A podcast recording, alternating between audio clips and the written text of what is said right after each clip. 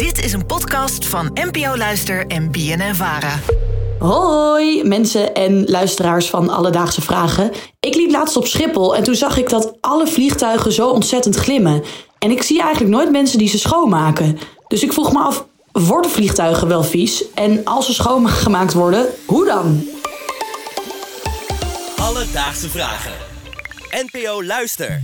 Julia, dankjewel voor je vraag. Matthijs, heb jij wel eens in een heel vies vliegtuig gezeten? Ja, ik heb uh, een keer in een vliegtuig gezeten uh, en daar kon ik gewoon ruiken dat de passagier voor mij een baby was van een half jaar oud ongeveer. Oh, wat lekker. En ik heb ook een keertje in zo'n uh, vliegtuig gezeten en dan ging je met z'n allen naar de, de Spaanse kust, naar Blanes. Ja. -huh. Nou, daar stonk het echt de hele rit naar Red Bull en Kots. Maar ik weet niet of dat kwam omdat het vliegtuig gewoon vies was of vanwege de mensen die er gewoon in zaten. Waarschijnlijk een combinatie van die ik denk dingen. het ook. Moet je je voorstellen hoe moeilijk het dus is om een vliegtuig van de buitenkant schoon te maken? Ja, is dat eigenlijk wel nodig dan? Dat is het zeker. Dat heb ik gevraagd aan luchtvaartjournalist Menno Zwart. Ook wel de man uh, die de vakantie van de Oranjes verpestte.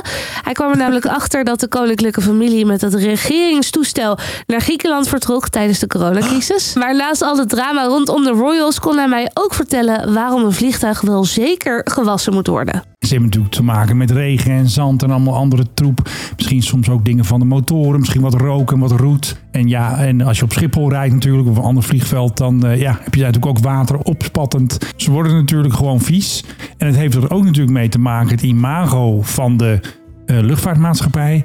Als de blauwe KLM's of de groene Tansavia's, als die er vies uitzien, denken mensen, hè, kunnen ze ze niet schoonmaken. Het is ook een stukje imagobewaking. Een stukje imagobewaking dus. Dus het blauw van KLM moet wel blauw blijven. Kan niet opeens dat je in een uh, grijs, grijs vliegtuig zit natuurlijk. Nee, precies. Maar is het dan ook wel belangrijk dat een vliegtuig mooi schoon is? Zeker. Menno vertelde mij dat vel dat zorgt voor meer weerstand op het vliegtuig.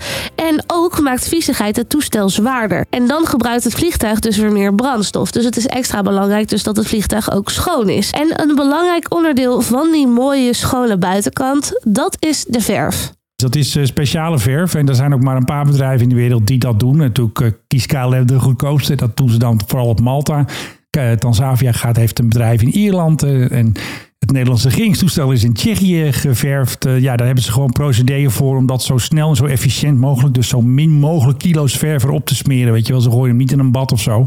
Zo min mogelijk, omdat het natuurlijk ook weer gewicht uh, aan het toestel toevoegt. Het is heel belangrijk dat de toestellen goed schoon zijn. Want dat, dan blijft ook die verflaag, hè, waar we het net over hadden, dan blijft die verflaag langer zitten. Dan hoeft die weer minder vaak naar Malta om weer geschilderd te worden. Nu weet ik in ieder geval uh, hoe een vliegtuig vies wordt. En ook waarom die dan gereinigd moet, moet worden.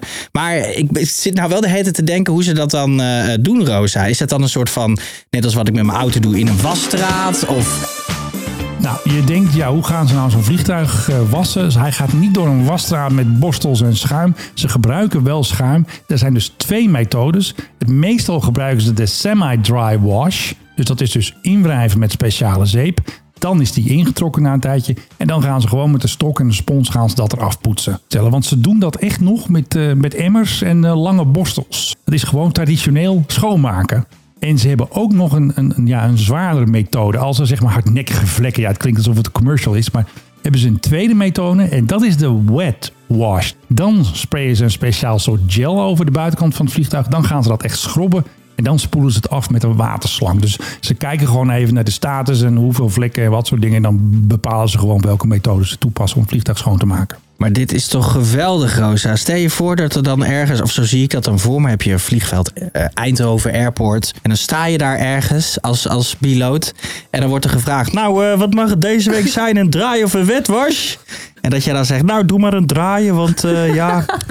Ik, ik, ben niet heel erg ver geweest. Ik heb alleen in Europa gevlogen. Het lijkt me echt heerlijk. Geweldig, toch? En het is ook wel echt grappig dat het dus gewoon toch wel ouderwets handwerk is. Ja. Maar ben je dan de hele dag daarmee bezig? Of, of hoe, hoe lang ben je er eigenlijk mee bezig om een vliegtuig schoon te maken? Ze hebben altijd shifts van acht uur. Hè? Onze ja, vliegtuigbewasters, zullen ze maar even noemen.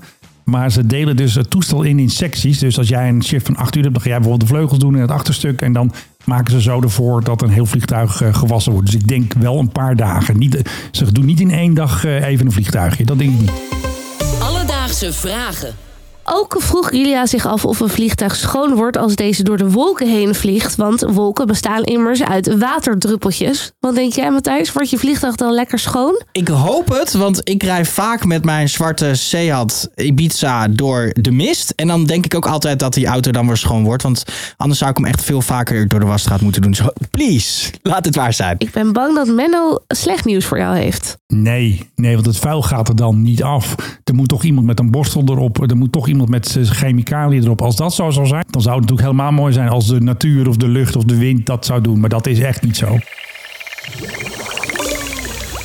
Dus Julia, een vliegtuig moet wel degelijk gewassen worden, omdat deze vies wordt van regen, wind, sneeuw en vuil van de luchthaven of eigen motoren. Luchtvaartmaatschappijen willen graag dat hun vliegtuigen er netjes uitzien, maar een schoon vliegtuig heeft ook minder weerstand in de lucht en is minder zwaar, dus verbruikt ook minder brandstof. En hoe maken ze dan een vliegtuig schoon? Dat doen ze in een speciale hangar. En schoonmakers gaan het vliegtuig te lijf met lange borstels en hoogwerkers. Ze kunnen twee methoden toepassen: de semi-dry wash of de wat grondigere wet wash. Afhankelijk van hoe vies het vliegtuig eigenlijk is. Heb jij nou ook een vraag? Stuur dan een berichtje op Insta, Alledaagse Vragen. Of je kan ons ook natuurlijk altijd mailen naar Alledaagse Vragen, En dan zoeken we het voor je uit.